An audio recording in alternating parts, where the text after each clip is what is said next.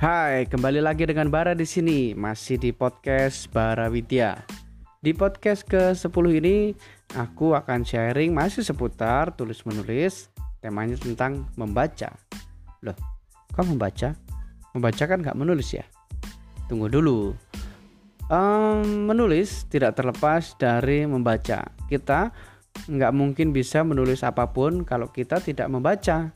Tapi membaca di sini artinya tidak hanya membaca buku ya, tapi dengerin podcast uh, di Spotify atau dengerin podcast di YouTube, uh, dengerin seminar di YouTube, dengerin conference di YouTube, um, atau informasi-informasi dari channel-channel apa pun.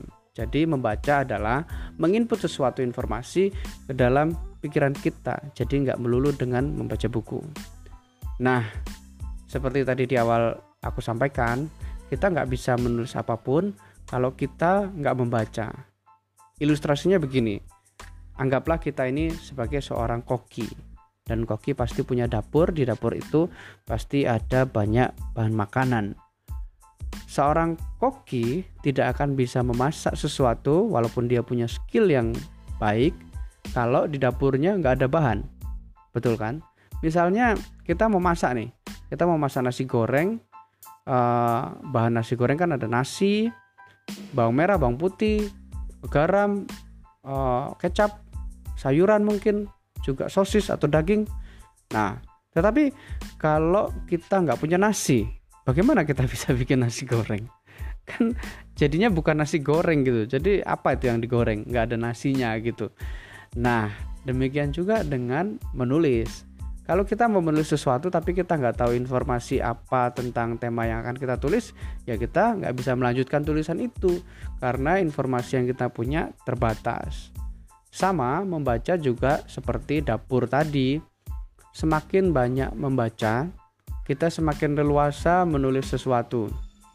Kalau si kok gini, dia punya berbagai bahan makanan gitu dari spaghetti, tepung terigu, kemudian sayur-sayuran, berbagai macam bumbu. Dia bisa masak apa aja, dia bisa bikin spaghetti, dia bisa bikin pizza, dia bisa bikin orari telur, dia bisa bikin martabak, dia bisa bikin roti, dia bisa bikin macam-macam karena di dapurnya punya banyak bahan makanan. Nah, sama sebagai seorang penulis, semakin banyak kita punya bahan, bahan bacaan, semakin leluasa kita menulis banyak tema. Begitu.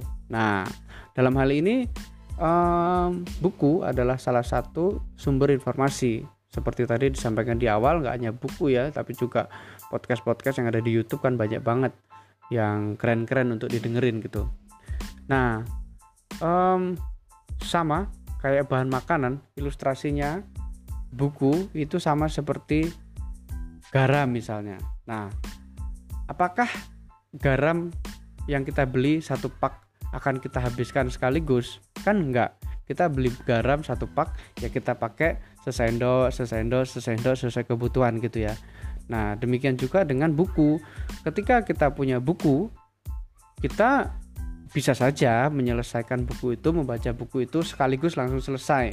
Tapi bisa juga kita hanya mengambil sebagian dari isi buku itu. Misalnya nih, di depan saya sekarang ada self driving dari Prof Renald Kasali.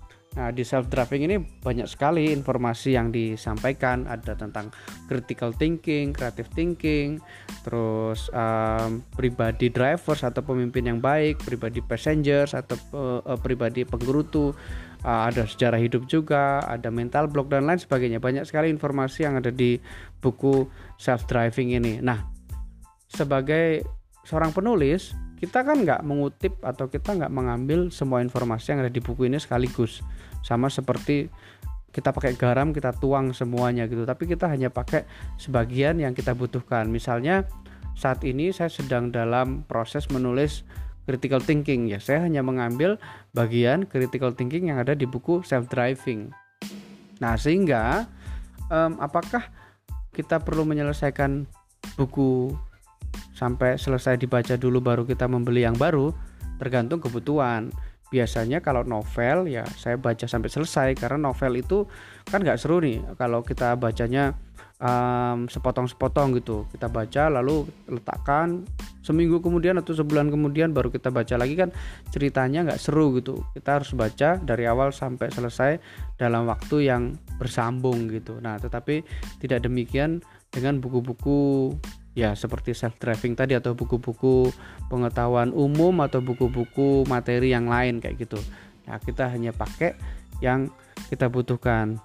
Sehingga membacanya kita bisa part per part gitu ya. Uh, kita butuhnya beberapa kita baca itu aja. Tetapi tetap saya membiasakan diri untuk membaca bukunya dari awal sampai akhir berurutan gitu. Kalau self driving ini saya baca dari awal sampai selesai uh, dalam waktu yang berurutan. Jadi saya nggak baca melompat-lompat babnya gitu. Ya karena biasanya di buku-buku seperti ini itu nyambung dari awal sampai akhir. Nah jadi begitu. Waktu baca soal waktu baca nih saya biasanya nah ini terinspirasi dari Mbak Nana nih Mbak Najo Siap nih duta baca kita ya. Saya biasa membaca buku-buku yang serius buku-buku yang harus mikir nih itu di pagi hari atau siang hari atau kadang sore masih baca buku-buku yang serius gitu.